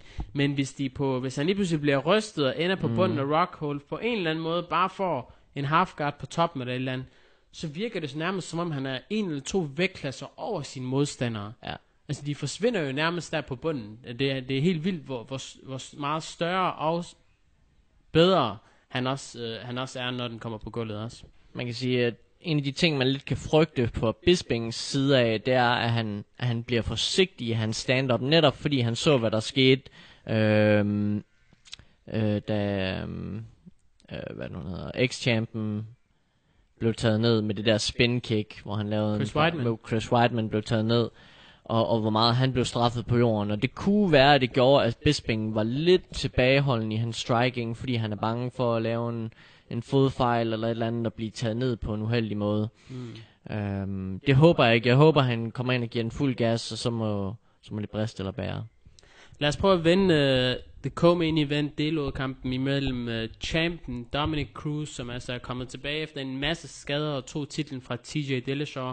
Han kæmper altså imod ærgerivalen Uriah Faber i deres tredje kamp. Første kamp vandt uh, Faber for meget, meget lang tid tilbage på submission. Anden kamp vandt Dominic Cruz, også for meget, meget lang tid tilbage. Og nu mødes de altså i en tredje kamp. Dominic Cruz, Uriah Faber, og den er altså, de prøver at hype den rigtig meget op. Er du hyped op over den? Jeg er hyped. jeg synes, jeg, jeg, jeg, jeg bliver så nemt solgt på de her feuds her. Okay. Jeg, jeg ved godt, det Ja. ikke er, er verdens bedste matchup, men, men Uriah er også bare en af dem, der man aldrig skal undervurdere. Men, øhm, men han har jo ikke særlig god history i UFC, hvis du ser på title shot succes for ham. Han har rigtig mange af dem, men, men har endnu ikke øh, fanget en UFC-titel. Holdt øh, VEC-titlen i rigtig mange år. Øh, øh, hvor, hvor det var også, det var også der, han slog øh, Cruz i sin tid. Men øh, altså, jeg, jeg glæder mig til den her. Jeg synes, jeg synes jo, den her skulle have været på toppen af kortet. Okay. Nu ved jeg godt, de altid næsten sætter de største vægtklasser øverst, og altid sylter de mindre vægtklasser her, og, og sætter dem ned som nogle co-main events. Men jeg er mere hype til den her, end jeg er til den anden kamp. Øh, nok, altså jeg, jeg vil sige nok mest af alt på grund af den rivalisering, de har, og alt det trash talk, der har været. Men, men også, også fordi jeg, jeg tror også, det kan blive lidt en interessant og spændende kamp. Fordi de er sådan meget forskellige typer, ikke også? Det er, det er to stilarter, der mødes her.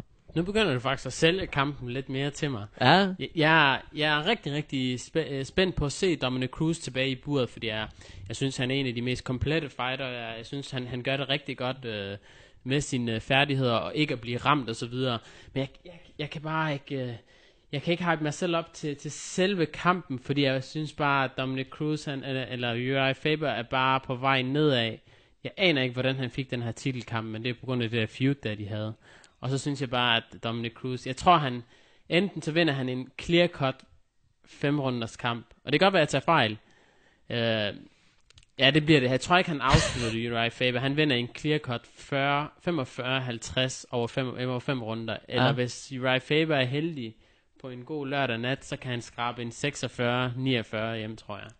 altså jeg er lidt uenig med dig, det der med, at du siger, Uriah Faber er på vej ned. Jeg synes ikke rigtig, i modsætning til mange andre, man har set kæmpe så lang tid i UFC og har, har haft så lang karriere, jeg synes ikke, han går nedad. Problemet er nok bare, at han ikke udvikler sig i samme tempo som, som langt de fleste andre. Øh, at han er stagneret en lille smule, men jeg synes, han har holdt et imponerende niveau i mange år, og så udvikler han sig altså også stadigvæk. Der er nogle bestemte ting, som Faber er rigtig god til, men han har blevet ved med at udvikle sig meget i løbet af hans karriere stadigvæk.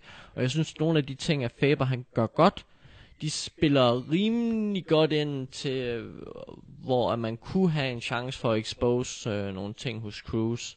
Øh, han, han er lynhurtige reflekser, god til at lukke distancen, ikke også? Han kan komme ind og lande nogle slag. Han kan selvfølgelig ikke stå og, og trade med ham lige op og box teknisk mod Cruz, så, så har han ingen chance. Men Faber, han kan lukke distancen og komme ind med nogle slag og måske attack ham. Og udover det, hvis Han han, har ham- tungere hænder, synes jeg. Hmm? han har tungere hænder, ikke også? Og han, han kan komme ind i clinchen, hvor han også er farlig. Og, og i de her scrambles, hvor han er super god. Jeg tror, det er nogle af de ting, han skal satse på, ikke også? Prøv at komme ind i noget clinch, noget scramble, måske lede efter den der rigtig gode guillotine, han har, eller hvad der ellers skal ske, ramme ham med, eller en klæ, eller en albu i nogle af de her clinches. Det er der, jeg ser, altså, Uriah skal prøve at gøre det her til en kaotisk kamp, Øh, og Cruz han skal forsøge at dodge hver gang at Faber prøver at lukke distancen, så skal han circle og komme væk fra cage og lade være med at blive fanget op af cage og blive, lade være med at blive fanget i nogle af de her clinches. Og det kan være, som du siger, at, at han gør det til mesterligt, at Cruz han rider alle runderne igennem, og, og, og Uriah aldrig nogensinde får chance for at lukke distancen og bliver tagget gang på gang, når han prøver at komme ind. Men det kan altså også være, at han kommer ind og får lukket og får fat i ham, og gør det til en lidt mere kaotisk øh, krig det her, og, og kan risikere enten at tage nogle, nogle runder fra ham, eller måske risikere at fange ham i en guillotine, eller, eller noget andet og finish ham. Ja, men det kan godt være, at øh, du har ret. Jeg håber, du har ret, så det bliver en meget, meget, øh, en, en meget, meget tættere kamp, end hvad, jeg, end hvad jeg tror lige nu her. Jeg tror også, han helt klart har sin chance i scrambles, øh, som han blandt andet prøvede imod Frankie Edgar. Fang Frank, Frankie Edgar i, i, i, i en transition, i en guillotine, eller hvis Faber får ryggen, så er han ekstremt dygtig til at at lægge en rear naked choke ind med det samme, øh, også på selve kæben. Eller hvis han kommer tæt på for at lande en af sine hårde øh, slag. Men jeg vurderer den stadigvæk som punches øh, slash submission chance. Jeg tror ikke, han tager den den her gang. Mit spørgsmål til dig, Lasse. Kan du nævne en af de fighters, som Uriah Faber har vundet over sin sidste 1, 2, 3, 4, 5, 6, 7, 8, 9, 10 kampe? Bare sådan en, en, en kvalitetsmodstander, som han er sejret over. Det bliver svært. Det, øh, det har været sådan lidt nogle no-names, mange af dem. Faber han har det jo med at komme sådan hele vejen til toppen for lige at snu- snuble lige før, øh, lige til titelkampen. Ja. Ja. Altså han har, han har haft nogle store navne, som han har tabt til. Dominic er Cruz klart. har han tabt til, Henan Barrow har han tabt til to gange, og Frank Frankie, har han ja. tabt til. Så nogle af de navne, som han har vundet over. Senest, Frankie Science, Francisco Rivera, Alex Caceres. Det er en lille smule, uh, det der er mest imponerende, det er Michael McDonald. Aha. Og så er der Yuri, Yu- Yuri Alcantara, Scott Jorgensen, Ivan Minjava. Det er ikke de, de største navne, men jeg håber, du har ret, uh, Lasse. Jeg håber, at han, uh, han, uh, han chokerer os og gør det til en, en tættere kamp, end, end hvad jeg tror. Lige her til sidst på falderæbet, din forudsigelse. Cruz Faber, hvem har du? Og hvordan? Kører jeg fandme med Faber her. Så tager vi, så tager vi opsæt her. Jeg bliver nødt til at vinde over dig et eller andet, så nu må jeg lave nogle vilde predictions. Så jeg siger, at Faber, han fanger ham i en... Øh, han tagger ham måske lige med en albu eller et eller andet i en clinch, og så fanger han ham i den guillotine der, hans gode guillotine i, øh, i anden runde. Nej. Tredje runde. Frisk, frisk, meget, meget frisk Ja. gjort. Uh, jeg går med den uh, clear-cut kedelige, uh, det, det kedelige valg. Dominic Cruz på point over alle fem runder. Bliver en 50-45, og så på et af, et af scorecardsene, så er der en dommer, der lige falder halvt i søvn, og det må den 49-46. Men uh, Dominic Cruz tager den og får Uriah Faber til at, til at misse igen og igen og igen, og så bliver det en, øh, en pointsejr til Dominic Cruz. Derudover, der kan vi ikke nå at break de andre kampe. Uh, Skal vi ikke lige have en prediction på Bisping-kampen også så? Gør vi ikke det? Okay, uh, Ja. Bisping-kampen, uh, Luke Rockhold, Bisping, hvad, hvad forventer du der? Jeg siger, så, øh, så bliver jeg nødt til at køre den lidt sikkert her. Så jeg siger uh, Rockhold, og så siger jeg, at han stopper ham i fjerde runde med ground and pound. Yes, yes jeg tror på, at uh, Rockhold stopper Bisping i enten uh, anden eller tredje runde på uh, TKO submission. Han, han, Bisping kan ikke klare alle fem runder, tror jeg. Så skal vi lige runde af lige nu her, men husk, at der er så rigtig mange andre spændende kampe på UFC uh, fight uh, kartet uh, UFC 199, som bliver sendt på Viaplay Fighting. Der er altså Max Holloway imod Ricardo Lamas. Dan Henderson skal måske have sin sidste kamp imod den frygtindgydende Hector Lombard. Woo! Og så har vi Dustin Poirier imod Bobby Green. Og der er bare rigtig, rigtig mange gode kampe, så, så sørg for, at I får set det. BJ Penn er der ikke desværre. Han kunne ikke uh, lige lade være med at holde sig fra sin IV. uh, men uh, yes, det var alt fra MMA.dk's podcast Real Talk. Tusind tak, fordi I gad at lytte med. Hvis I bare den mindste smule underhold, så vil vi i hvert fald værdsat, hvis I gad at like, dele, uh, eller bare sprede budskabet på en eller anden måde omkring podcastet. Det vil i hvert fald værdsætte rigtig, rigtig meget. Men tusind tak, fordi I lyttede med. Mit navn er Esan Fejsat, og på vegne af Lasse Bager siger jeg tusind tak for den her gang. Hej! Hey!